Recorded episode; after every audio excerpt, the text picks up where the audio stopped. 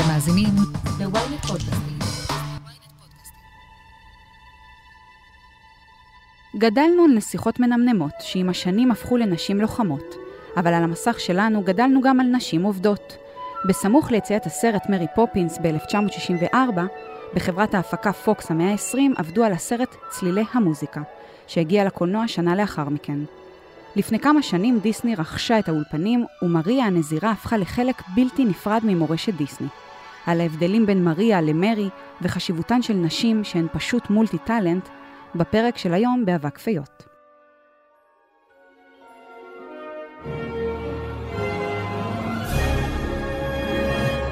שלום לשרית גבאי, פסיכולוגית תעסוקתית, כותבת, והבת החורגת של ג'ולי אנדריוס. שלום, שלום. טוב, תסבירי. וואה, עם כזה פתיח. Uh, הבת החורגת של ג'ולי אנדריוס. מי לא היה רוצה להיות הבת החורגת שלה? בואי, בינינו. Uh, אנחנו מדברות על, uh, בעצם לא על ג'ולי עצמה, על הדמויות שהיא גילמה.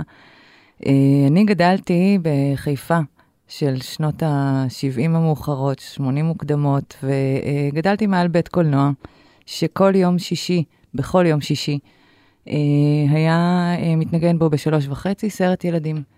ואני, שגרתי בבניין, אה, כבר הייתי נכנסת חינם כזה, היה שם אה, אה, סדרן חביב, פנסיונר כזה, נראה, אה, שהיה מכניס אותי לסרטים, ומדי אה, שישי כנראה הייתי נותנת מנוחת צהריים אה, לסבתא ולאימא שגרתי איתם, והייתי יושבת ככה בסרט. עכשיו, אז לא היו המון המון סרטים, והייתה חזרתיות על הסרטים האלה של יום שישי בצהריים.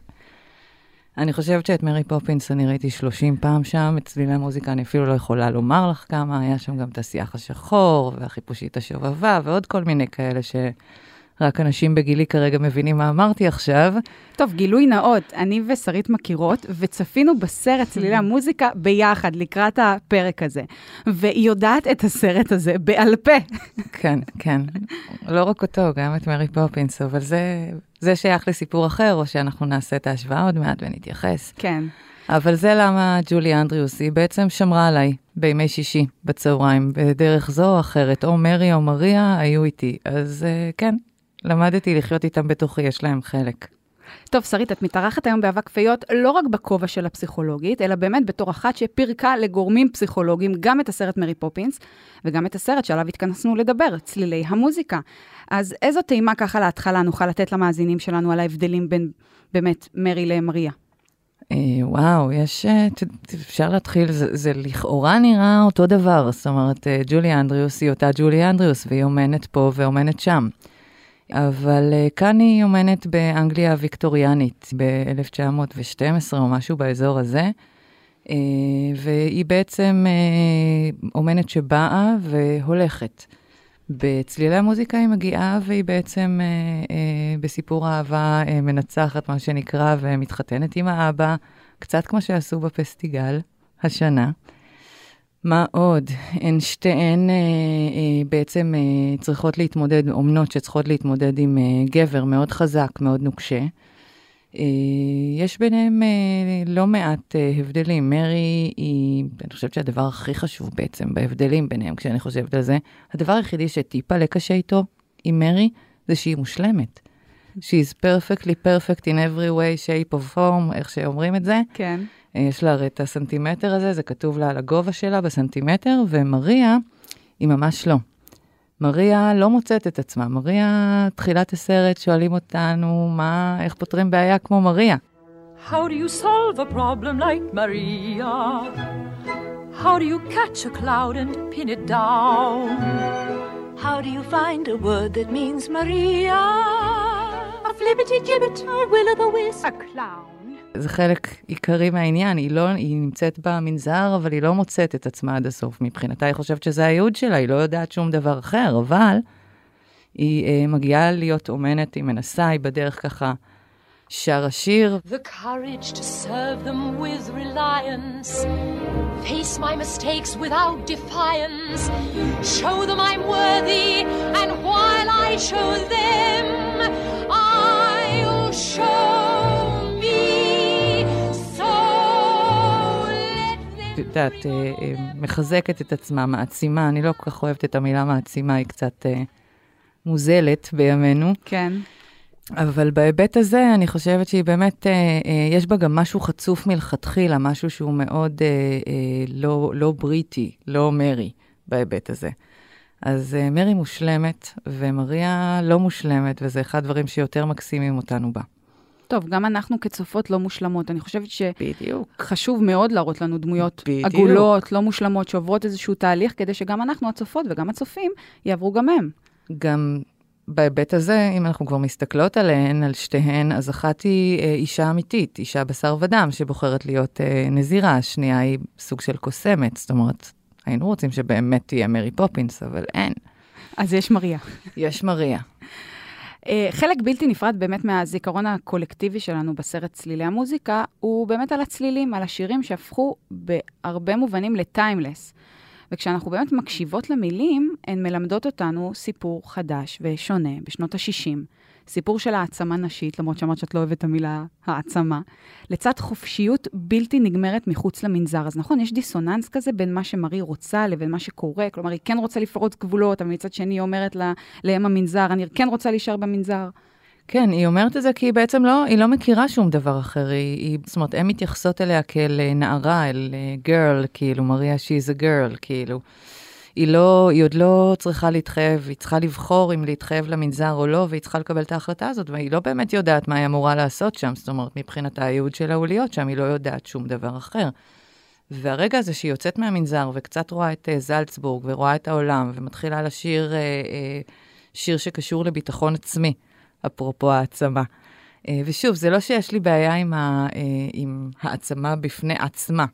אוקיי? אה, אבל אני חושבת שכשאנחנו רוצים לחזק אדם, אז אה, זה צריך להיות ממקומות עמוקים יותר. בכל זאת, הכובע של הפסיכולוגית מתישהו משתלט. זאת אומרת, אם אין לזה בסיס, זה לא, זה לא יחזיק. תרגישי חופשי פה. יכולה להרים לך ואז ללכת, אבל כאילו, אני אלך וזה ילך איתי.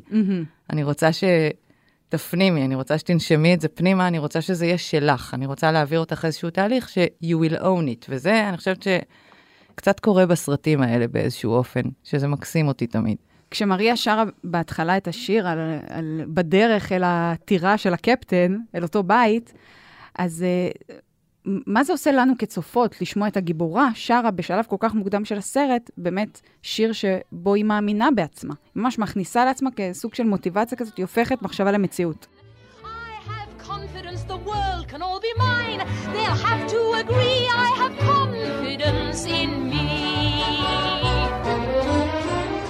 כן, כן, היא לגמרי איט טיל יו מייק איט. היא יוצאת משם אה, מבועטת, ורואים את זה בשפת גוף שלה, ובאיזשהו שלב שם בדרך, דרך הגנים, אה, ו- ויש שם איזושהי ריצה דרך גן ככה מאוד מוכר בזלצבורג. היא רצה והידיים נפרסות לצדדים עם התיק ועם התיק גיטרה, והיא לאט לאט, את רואה בשפת גוף שלה איך היא גדלה ואיך היא מאמינה לעצמה, וזה, אני חושבת, אחד ה-theme songs הראשונים, הרבה לפני אלי מקביל, אם מישהו פה בכלל זוכר מה זה אלי מקביל. אבל uh, כזה. כן, היא מאמינה, uh, מאמינה שיר... כנגד, כנגד כל הסיכויים בעצמה, למרות שהיא בדרך כלל איזשהו אתגר לא מוכר. לחלוטין, ו- ואת רואה את הרעידה הזאת, היא כן uh, ככה uh, מתכווצת כשהיא עוברת את השער ורואה את הגודל של הטירה, זה ממש אחוזה. Uh, אז היא ככה לרגע לוקחת נשימה ונכנסת בזה, כאילו ממש, ומאמינה בעצמה, אז כן. טוב, מריה היא לא נזירה אופיינית. תסבירי.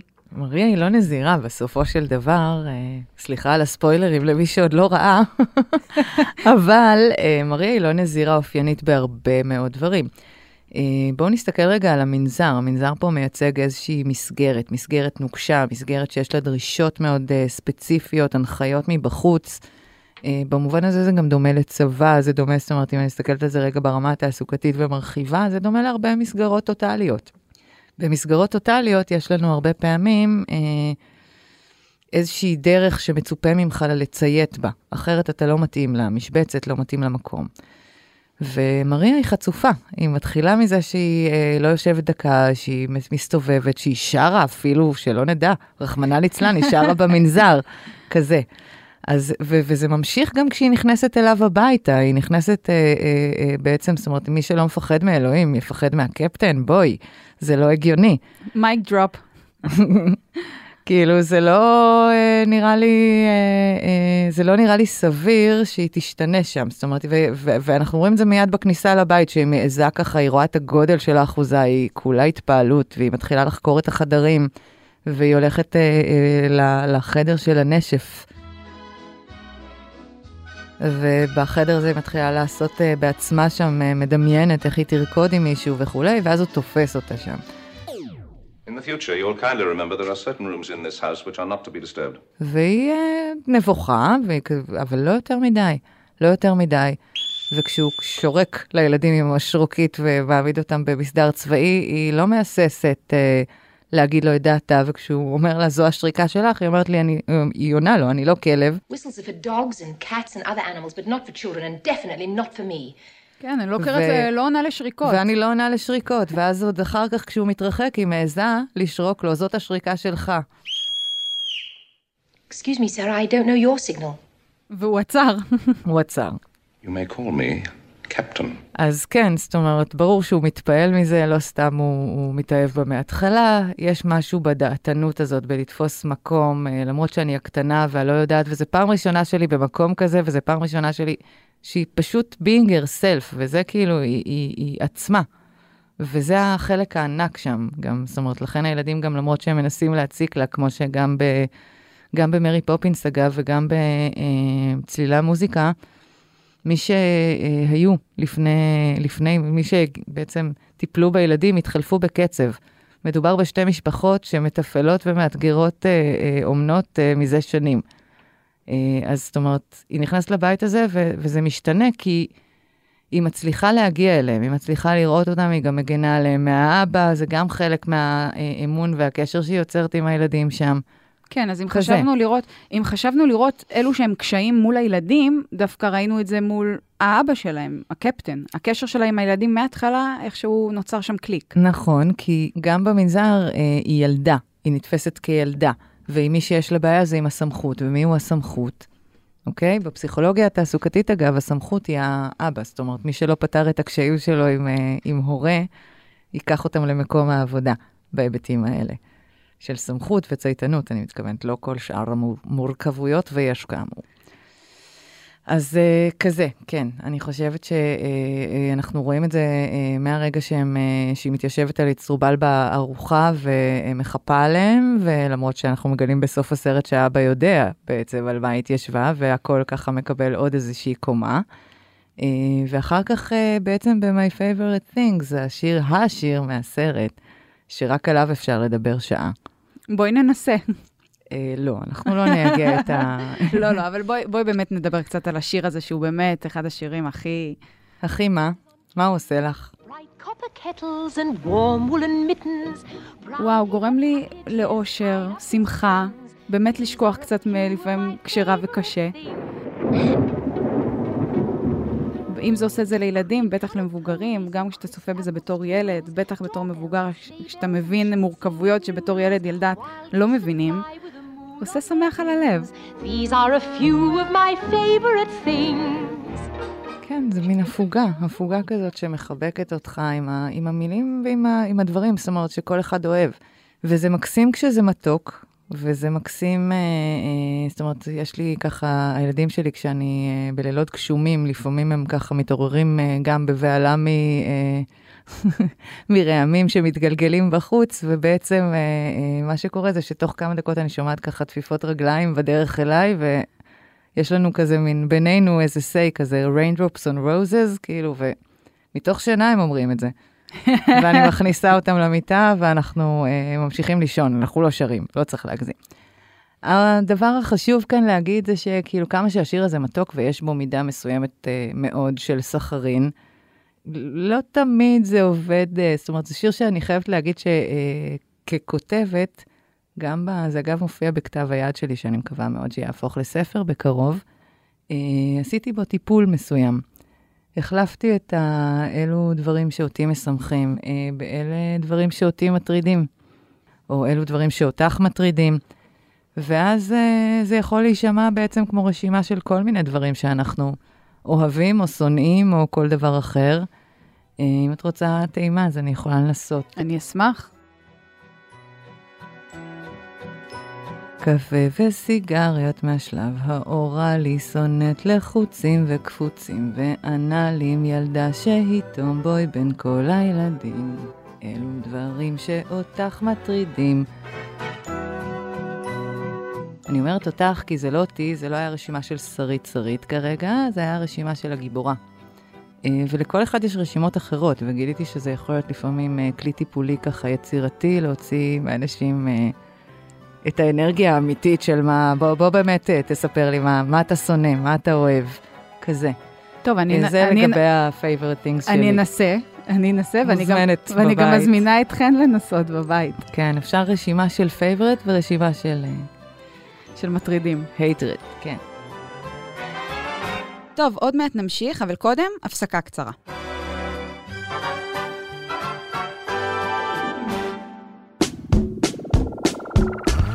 היי, אני יובל מן. ואני אושרית גנאל.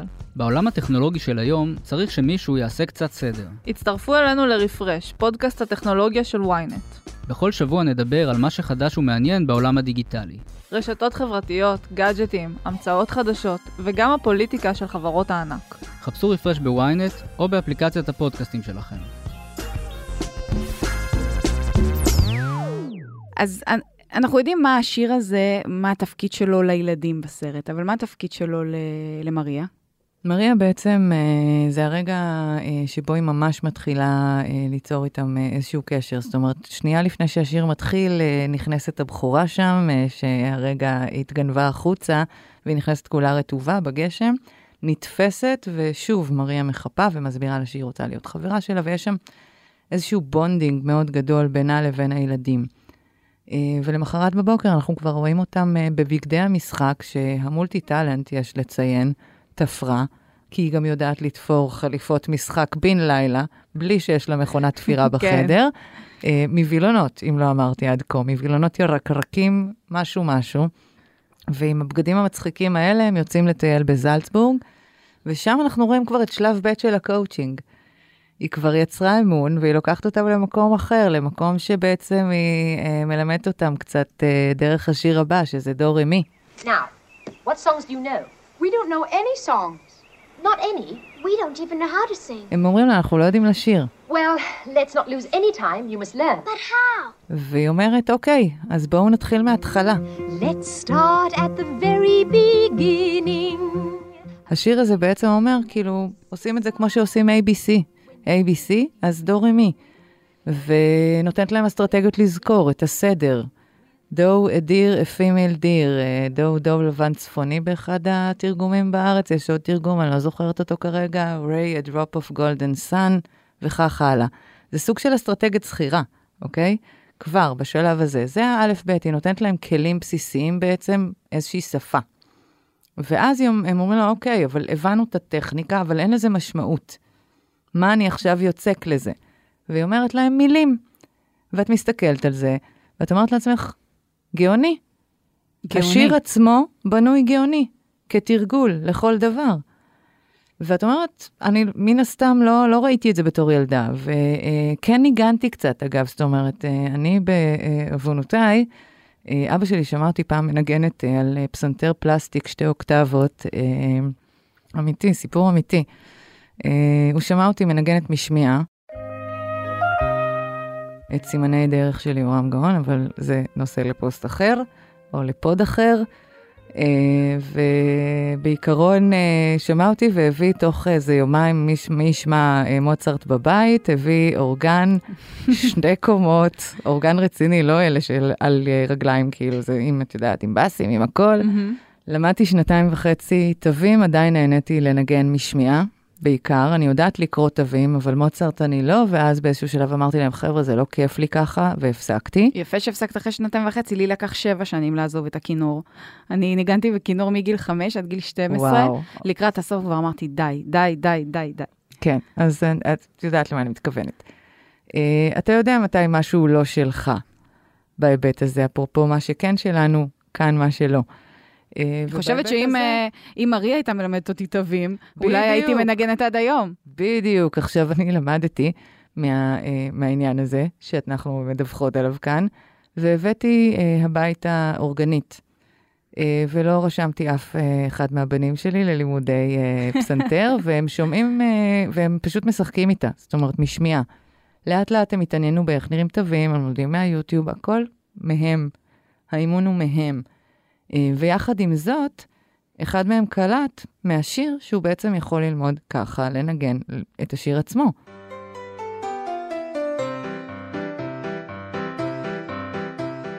זאת אומרת, השיר עצמו מלמד אותך לנגן אותו, זה גאונות. שוב, יש פה גם את הקונקרטי של הלמידה אה, כאן, של התווים ואיך שרים, וגם אפשר לקחת את זה לכל מיני עולמות אחרים, לכל מיני תרגולים אחרים. אז אומרת, עוד, עוד קומה שראיתי שם.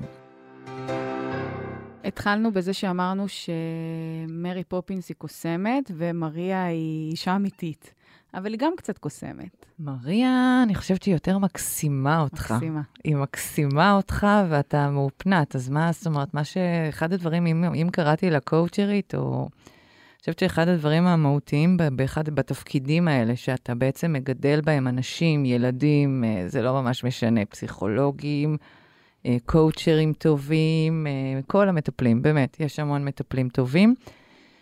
אני חושבת שכשאתה מגדל אנשים, אתה צריך אה, אה, להאמין בהם, וכנראה שאתה צריך איזשהו סוג של כריזמה, זה עוזר. לא הכרחי, אבל זה מאוד עוזר. וטונות, טונות יש לאישה הזאת. וכאן אני כן מדברת על ג'ולי, אין מה לעשות. היא ממלאת אותה. בואי נדבר קצת על מערכת היחסים שלה עם הקפטן. זה מתחיל ביחסי מרות, כן? הוא... כן. היא באה לעבוד אצלו בבית. היא בעצם, כן, נכון, זה לגמרי. מנסה לשלוט זאת אומרת, בה. לא היה עובר היום, אה? כאילו... לא, לא היה. הוא מנסה לשלוט בה, לא מצליח. לא, היא ממש סוררת, יש כאן איזושהי התכתבות עם אילוף הסוררת.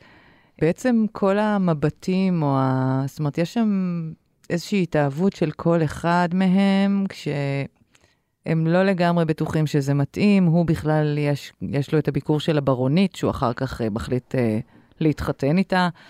אה, והיא בכלל לא יודעת מה זה אהבה, היא בכלל לא יודעת שהחום הזה ב- ב- בבטן העליונה שלה, ושהיא מחזיקה שם ככה כל פעם שהוא מסתכל עליה קצת אחרת, והסומק הזה שהיא מרגישה, היא לא, היא לא עושה את האחד ועוד אחד, היא לא שם. גם היא כשהיא מ- מספרת לאם המנזר, כשהיא בורחת, אז היא בדיוק. אומרת לה, אני מרגישה כאילו עולמי חרב עליי, ואז אני כן. נולדת מחדש. כן, בדיוק, ו- וזו אמירה מדהימה, עולמי חרב עליי ואני נולדת מחדש, כאילו, ו- וזה איזושהי תחושה של, זאת אומרת, אגב, וגם את זה, זאת אומרת, מי אומרת לה, למה היא מגיעה לאם המנזר? כי הברונית שרואה בה איום, שהיא לא יודעת שהיא אפילו, שולחת אותה רחוק. היא אומרת לה, הוא מאוהב בך. He thinks he's in love with you. But that's not true. Surely you've noticed the way he looks into your eyes. היא אפילו לא יודעת שהיא מאוהבת בו בשלב הזה. נכון. זה העניין. ואז היא הולכת באמת אה, לאם המנזר, והיא מספרת לה, אם המנזר מסבירה לה, זאת אהבה. ומה שעוד יפה שם זה שהיא אומרת לה, לאהוב, אה, לאהוב אה, אהבה זוגית או אהבה, אה, אהבת אדם, היא חשובה בדיוק כמו אהבת האלוהים. Love of a man and a woman is holy too. You have a great capacity to love. What you must find out is how God wants you to spend your love. But I've pledged my life to God. I, I've pledged my life to His service. My daughter, if you love this man, it doesn't mean you love God less. הדילמה התעסוקתית שוב עולה, כי היא נכשלה גם שם מבחינתה. בעצם רגע ההתאהבות הוא, אם אני זוכרת נכון, ב... בריקוד שלהם. Good. We'll have Um, to practice. Do allow me, will you? שם נראה לי שיש קודם כל את החיבור הראשוני הפיזי, הוא ממש נוגע בפעם הראשונה והם רוקדים כן, ביחד. בנשף. כן, אבל יש שם גם חיבור אחר שהוא מעבר לחיבור פיזי. נכון. נכון, יש שם אה, משהו שככה, את יודעת, איזושהי, אה, איזושהי התאמה בעיניים, כאילו, זה באמת, גם, אה, אני חושבת שבאמת אין מה לעשות, השחקנים אה, המדוברים כאן עושים את העבודה היטב. והמדע הזאת שהם אה, רוקדים פנים אל פנים, ואנחנו רואים אותם בפרופיל, הם כמעט יוצרים לב רק ברווח שביניהם, זה, זה כאילו, הכל שם, חשבו על הכל. לא, יש שם משחק של אור וצל מטורף בעיניי, מבחינה קולנועית, זה היה בגזיבו, מדהים. וכן, הריקודים, שנות ה-60, אני, ממש. זה עוד, אני לא מצליחה אה, להפסיק לחשוב על זה. ואז מגיע הרגע שהוא אומר לה, תגידי, אני דמיינתי או שראיתי את הילדים שלי על עצים? גם מבחינת ההומור של הסרט הזה, כן, הומור יש שם הרבה מדהים, ציניות שלו. מצחיק, זהו, כן, יש לו punch־ים, הוא כזה לגמרי. קולח, כן. זה מגניב. כן, כן, הם עושים teasing אחד לשני למעשה, לאורך כל הסרט, אה, אה, לפעמים אה, בכוונה ולפעמים אה, לא. אבל אה, אנחנו מקבלים רמזים מתרימים לזה שהוא כזה. זאת אומרת, גם כשהוא מדבר עם הברונית, גם כשהוא נוסע לווינה, הוא לא, הוא לא נהנה מה, אה, מההגזמות, מהסלונים, salons, איך הוא אומר? כן. מהסלונים ה, אה, המפוארים, והוא אוהב את חיי הכפר שלו, מי ישמע, כן? צנוע, עם האחוזה, כן? אבל עדיין. אה, ויש גם חוקים של חברה גבוהה שאת רואה שמתקיימים שם, ילדים, אה, זה, בכלל, בתחילת הסרט, ילדי פון טראפ לא, אה, לא משחקים. הם צועדים, אומרת לה שם נכון. מנהלת המשק בית, משק הבית. הם גם לא שרים. בטח לא שרים, ברור. זה כי זה מזכיר את האימא. האימא הייתה שרה, ואנחנו לומדים את זה בהמשך, שזה בעצם חלק מהעניין. בואי נדבר באמת על החסרון האם. במרי פופינס יש אימא, אז איך דיסני מוציאים? מוציאים אותה מהבית. כן. כדי לגרום לסרט כדי לעבוד. לגרום לסרט לעבוד, כי במרי פופינס המקורית אין אימא. במרי פופינס אה, בעצם אה, האימא עזבה, ומרי פופינס נשארת, זאת אומרת, לא מרי פופינס, אבל הילדה נשארת עם אביה, והדמות של מרי פופינס היא דמות שהיא המציאה בעצם, זאת אומרת, אה, דמות שהיא המציאה כשהאם עזבה כדי להתמודד עם הנטישה בכלל. משם מתחיל כל הרעיון של הכתיבה של הסיפור של מרי פופינס. בעצם אה, מול מריה, שנכנסת כאן בעצם לנעליים של, אה, זאת אומרת, מטפלת קודם כל לא בשני ילדים, אלא בשבעה, אה, ו- והיא נכנסת למקום שבעצם אין בו אימא, אימא נפטרה, ואיתה כל שמחת הבית הלכה. ומאז קודר שם, וזה מתנהל כמו ספינת מסע צבאית, כזה. אה, אז, אז זאת אומרת, יש שם כמה דברים בעצם שהיא, זאת אומרת, שהיא צריכה להיכנס, אה, אה, לפרק שם. גם את המקומות של הנטישה, גם בעצם, הרי כל ההתעללויות של הילדים ב, במרי, ב, גם במרי פופינס האמת מתעללים בה קצת, מנסים. איתה זה לא הולך כי היא קוסמת, אבל כל ההתעללויות במריה הם כדי להשיג את תשומת הלב של האבא. כי האבא לא יכול להסתכל על הילדים, הילדים מזכירים לו כנראה גם את האימא, ובתחילת הסרט הוא לא מבלה איתם כמעט, היא גם נוזפת בו. מה זה נוזפת? מה זה נוזפת הילדים בו? שלך לא מכירים אותך. I don't wish you to discuss my children in this manner. Well, you've got to hear from someone. You're never home long I enough to said know I them. don't want to hear any more from you about my I children. know you don't, but you've got to. ממש ככה. אה, ואחרי הנזיפה הזאת הוא נכנס לסלון, והופה, מתחיל השיר. שיר, כן. אה, כן, שיר אה, מולדת זה, אוסטרי. When my heart is lonely. I know I will hear what I've heard before. כן, אז כזה, זאת אומרת, יש שם אה, גם את החלקים האלה, ואני אה, אה, בהחלט אה, חושבת ש... זאת אומרת, הם קוראים לאימא נורא בקלות, ואת רואה את הפער בין אה, בינה, שבכלל לא תכננה להיכנס לנעליים שלהם, היא התכוונה להיות פשוט אומנת טובה, אה, לבין הברונית שמסתכלת על הילד- על הילדים, וכל מה שעובר לה בראש זה אני שונאת ילדים, רואים לה את זה במבט. אה, אני לא זוכרת, נדמה לי שהיא גם אומרת את זה לדוד, שגם הדוד הוא דמות, אגב, מאוד מאוד נכון, אה. חשובה ומעניינת sidekick טובה. sidekick, בדיוק. חייבת לומר שאני לא אגיד שאני שונאת ילדים, חלילה מאוד מאוד אוהבת ילדים, ואחייניות שלי זה הדבר הכי וואו בעולם. אבל תשמעי, בחורה צעירה, להגיע למשפחה עם שבעה ילדים, רווקה. איפה נשמע הכבוד, דבר I כזה? didn't sign up for this shit. בדיוק, מה, מה קורה פה? בדיוק. אבל- ולה זה כל כך טבעי. בואו. ממש ככה, ממש ככה, כי היא, היא פשוט מביאה את עצמה לאיפה שהיא נמצאת. זאת אומרת, אנחנו רואים אותה בתחילת הסרט אה, עם הבגדים, אה, עם הבגדי ב', לא עם הבגדי הנזירות, אבל היא, היא על הגבעות שם אה, של זלצבורג, הידיים פרוסות, אה, זה, זה הפתיחה של הסרט, כאילו, צלילי המוזיקה, The Sounds of Music, כאילו, היא נושמת את עצמה דרך השירה הזאת. כן, היא מאוד חופשייה. בדיוק, זאת אומרת, והפרי ספיריט שהיא, לעומת אגב מרי פופינס, שהיא very tight, כאילו נכון, קוסמת, strict, קוסמת, כן. אבל מה זה... כן. אה, אין ימינה ואין שמאלה, זה ספיצפוט כזה. אה, אז, אז אני אומרת, היא, היא, היא מתחברת למקום הזה, וזה זה המקום שלה, והיא מביאה אותו גם לבית, ו, ואי אפשר לעמוד בפניה. אי אפשר לעמוד בפניה. גם הילדים ש, שמחפשים דמות כזאת, מן הסתם, שוכחים כבר שהם רצו להציק ו- ולחבל, כי אי, אי אפשר, אי אפשר, היא פשוט אדורבל.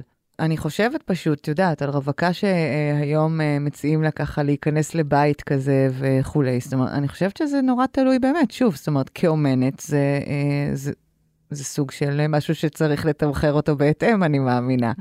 אם תוך כדי התאהבת אה, בבעל הבית והכול בסדר וזה מקובל על כולם בהסכמה מלאה, אז את יודעת, כל מקרה לגופו.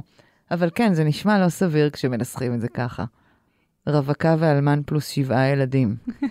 חיים בכיף. כן, זה לא נשמע צלילי המוזיקה כשאת מתארת את זה ככה. סליחה. רווקה וש... ואלמן עם שבעה ילדים מתחתנים ובורחים מהנאצים. כן, עוד מעט גם נגיע לנאצים כן. ולאנשלוס ולאוסטריה וכל הסיפור הזה. ולפני זה, באמת, תוך כדי שאנחנו מדברות, יוצא לי לחשוב על זה שהעולם שה... שבו מרי פופינס חיה בו, הוא עולם שבו אפשר לקבל את העובדה שיש זוג נשוי, להם יש ילדים, פלוס אומנת. נכון שהאימא לא בבית כדי לאפשר לעלילה להתרחש, אבל פה זה מאוד ברור שזה או הברונית או מריה. מישהו צריך, שתיהן. נכון, מישהו צריך למלא, to step in, מה שנקרא, ו- וזה או-או, זאת אומרת, זה משולש. כאמור, מרי פופינס לא מתערבת במשפחה. מריה, כן, מטבע הדברים, אה, נוצרת שם התאהבות. אה, מרי פופינס בשום שלב לא, לא מחליפה או לא מתכננת להחליף, כשהרוח תשנה את כיוונה, היא תגיד להם ביי. מרי פופינס באה לתת חכות, אפרופו קואוצ'ינג, היא באה לתת דגים כדי להרגיע ולהשביע ולחייך ולקייף אותם, אבל היא גם באה לתת חכות, ו once החכות ניתנו, היא הולכת. התפקיד שלה הסתיים. התפקיד שלה הסתיים, היא נותנת לאנשים, היא מאמנת אותם, היא מלמדת אותם לעשות, לחיות את חייהם כמו שצריך, כמו שנכון לחיות. והיא הולכת, היא כמו איזשהו מלאך כזה. ומריה, מריה באה והיא נכנסת כאן לבית, והיא אה, בעצם, אה, היא מבחינתה קטנה עדיין, זאת אומרת, היא רואה את עצמה אה, כממלאת תפקיד, היא ממלאת תפקיד של האומנת. יש אומנת בבית, אגב, בבתים האלה יש אומנת, יש מנהלת משק בית, יש אה, אה, כובסת, אני מניחה, מבשלת, יש כאילו מבשלת, אב בית. והם כולם, כל אחד מהם זה תפקיד בפני עצמו. והוא לא מתערבב עם ה... זאת אומרת, האופר לא עושה את הדברים האלה, אפרופו אופר זה היום, או את יודעת. אז uh, כן, והם כן uh, הרי ישנות בבית שם, גם מרי פופינס וגם uh, מריה, זאת אומרת, uh, זה מה שנקרא live in nanny. Uh, כזה, אז... live in a dream. live in a dream לגמרי. הסיפור ההתאהבות בינה לבין הקפטן נמשך, לאט לאט הם מבינים שהם uh, meant to be. ואז הם מתוודים uh, בפני האהבה שלהם, כל אחד, אחרי שהוא ביטל את החתונה עם הברונית, והוא גם אומר לה, אני אהבתי אותה מהרגע שישבת על האצטרובל הזה, והיא אומרת לו, ואני אהבתי אותך מהרגע ששרקת במשרוקית, ופתאום הכל מתחבר, ואז מגיע רגע החתונה, והפלא ופלא, זה לא הסוף. כן, אה? לא רק שזה לא הסוף, they are not living happily ever after. עדיין לא, לא בשלב הזה. יש חיים גם אחרי החתונה, זה mind blowing. לא רק חיים, גם נאצים, זאת אומרת, מלחמה רואים שבשנות ה-60 עדיין ל... לא היה את החיבור של דיסני. לגמרי. אז רגע, רגע לפני שנגיע באמת למה קורה אחרי החתונה, וכל מה שקורה באמת ב-1938, אז באותה תקופה באוסטריה, בואי בוא נדבר רגע על סצנת החתונה. נראה כמו סצנה של חתונת מלוכה.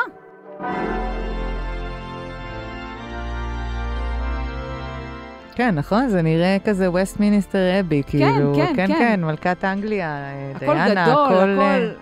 כן, עם השובל, ולגמרי. זה לא נגמר. זה מדהים. טוב, אז בנקודת הזמן שלנו, אנחנו בעצם אחרי מרץ 1938, אה, מהאנשלוס, בעצם סיפוח אוסטריה לרייך השלישי, ובעצם את הקפטן מנסים אה, לספח יחד עם אוסטריה, אבל הוא אוסטרי קשוח, הוא לא מוכן. הוא אסטרי פטריוט, אה, הוא לא מוכן, הוא, אה, הוא, הוא לא מעוניין לתלות את הדגל, הוא מעצבן אה, אה, כל קצין נאצי שמגיע אליו הביתה, הוא עושה לו דווקא ומעצבן אותו. אה, שזה עוד איזושהי הנאה, את יודעת, הנאה קטנה של יהודים שאנחנו צופים בסרט הזה. נכון. יש שם ממש אה, סצנה שהוא קורע את הדגל, עם הבלק ספיידר, קוראת לזה הילדה נכון. הקטנה שלו. וכן, זאת אומרת, יש שם ממש התייחסות לעניין הזה לאורך uh, כל הסרט, מתחילתו. ובסופו של דבר, מה שבאמת קורה שם זה שהמשפחה uh, uh, נדרשת לברוח. זאת אומרת, או לברוח או לציית, זה, זה הברירות שעומדות בפניו, כי הוא נדרש אה, להתגייס ולהתייצב למחרת בבוקר, הוא חוזר מירח הדבש, אה, אחרי שהוא התחתן עם אה, מריה, והם חוזרים, ואז הם בעצם, הוא, הוא מקבל צו גיוס לצבא, לצבא הרייך השלישי. הוא לא מעוניין, הוא לא מעוניין בשום צורה להצטרף לדבר הזה. צריך ו... לומר שגיאורג, לא אמרנו את השם שלו. גיאורג, כן. גיאורג, הוא איש של ערכים מתחילת הסרט. מאוד. משהו שאי אפשר נכון, להזיז אותו. נכון, והוא מאוד, uh, בדיוק, והוא מאוד נאמן לעקרונות שלו, uh, גם כשהוא משלם עליהם. ובעצם uh, אחד העקרונות שהוא כן מוותר עליו, לצורך ההצלה עצמה, זה בעצם uh, uh, העיקרון שעם כל זה שהילדים שרים, ומשפחת פונטראפ המוזיקלית שרה, הילדים של משפחת פונטראפ לא ישירו בפומבי. בסוף הסרט, למעשה, מה שעוזר להם לברוח זה ההשתתפות שלהם בפסטיבל. ואז אנחנו בעצם רואים את שיאה של הבריחה כשהם uh, מקבלים עזרה מהמנזר, מתחבאים שם. הוא עומד מול uh, אותו uh, בחור שבעצם חיזר אחרי הבת שלו, והוא זה שתופס אותם, והוא אומר לו, אל, אל תסגיר אותנו, אתה עדיין יכול uh, להתחרט. והוא אומר לו, לא, אבל מה, אם כל אחד יגיד, אני לא מוכן, לשתף פעולה עם הנאצים, אז, אז זה ייראה אחרת, הוא אומר לו שם פונטראפ, כן, אוקיי? הוא אומר והנער... לו משהו כמו You will never uh, be one of them. You'll never be one of them. כן, אתה לא חייב, אתה זה, אתה באמת לא חייב, you will never be one of them, זה לא אתה, ו- ואת, ומרוב, והתגובה הקשה שלו זה בעצם לקרוא, אה, לשרוק, לקרוא לה, אה, להסגיר אותם. לוטנט! ואז הם מתחילים לברוח שם בעצם, ובורחים דרך ההרים. ועכשיו אנחנו הגענו להפלי אבר אפטר, זאת אומרת, רק אחרי שברחנו מהנאצים, שזה סיפור אמיתי, למי שלא יודע. מדובר אה, על אה, משפחה אמיתית, שבעצם זהו סיפורה סביב מלחמת העולם. והם בעצם ברחו וניצלו, ואפשר לחפש, אתם מוזמנים לעשות מה שנקרא גוגל בנושא, אבל זה בהחלט, זה סוף שמח הרבה יותר, נכון? הרבה יותר שווה מ-happily ever after. ברור, ולא שאני לא רוצה לסיים עם נאצים, אבל לסיום הכנתי משהו קצת יותר מתוק. אז אני מצאתי בסרט הזה המון רפרנסים לסרטים אחרים של דיסני, או שמא נאמר אפילו הפוך, כי זה אולי נלקח מצלילי המוזיקה. אבל למשל בהתחלה, אה, התחלה, האמצע, וזה, הם כל הזמן שרים ביער. מאוד מאוד הזכיר לי את היפיפייה הנרדמת בגרסה הטובה יותר שלה, כי אני, יש לי יחסים של אהבה סיני עם אורורה. או הרגע הזה שבו היא מגיעה לאחוזה הגדולה הזאת, מאוד מזכיר לי את בל מהיפה והחיה. נכון, כל ההתעניינות נכון, הזאת. לומייר שם, ונכון. נכון, שהיא פתאום פותחת את הדלתות, מנסה לחקור את הסביבה, למרות שהיא יודעת שאסור לה ואיזושהי, יש איזושהי חיה, או במקרה הזה גיאורג.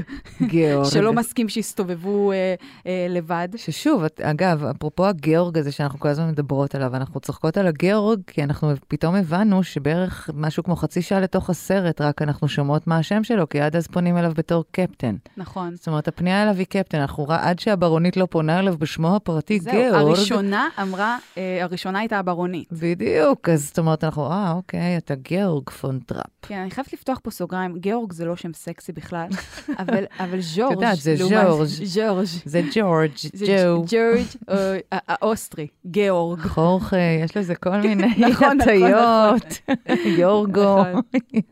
יש מלא הטיות ל... כן. אז שרית, מה בעצם את לוקחת ממריה? וואי, את יודעת שהתשובה משתנה בכל יום? זאת אומרת, אם היית שואלת את שרית הילדה, היא הייתה עונה לך תשובה אחרת לחלוטין מזו שאני עומדת לענות לך עכשיו. אני חושבת שבימים האלה אני לוקחת את האומנת מלשון מאמנת, מלשון שם עבורם, גם במובן של לחבק וגם במובן של לגדל אנשים. זה המקום שאני מתחברת אליה היום. אה, זאת מריה בשבילי ואישה אמיתית, וכן, ושאפשר אה, עם תשוקה אה, ועם ביטחון, ועם באמת כשהוא בא מבפנים, אפשר להגיע עם זה רחוק. זה מה שאני ככה לוקחת ממנה. ולאו דווקא את החתונה, החתונה היא לא איזה, זה שם, כמובן, אבל ולא, בהחלט... ולא את השבעה ילדים. וגם לא את השבעה ילדים. תודה, שניים אהובים שלי, כפרה עליהם, הכל טוב. טוב, שרית גבאי, אני רוצה ממש להודות לך שבאת להתארח היום באבק פיות. וואי, התענוג היה כולו שלי. ועכשיו מה? נגיד uh, so long, farewell, of wiedertain, goodbye. goodbye. goodbye. עד כאן אבק כפיות להפעם. אתם מוזמנים לעקוב אחרינו בוויינט, ספוטיפיי או בכל אפליקציית פודקאסטים שבא לכם עליה. דרגו אותנו גבוה גבוה באפל פודקאסט ותשלחו את הפרק לחברים. תודה לעורך הפודקאסטים שלנו רון טוביה, על הסאונד גיא סלם, אני משי היד. נשתמע בפרק הבא. thank you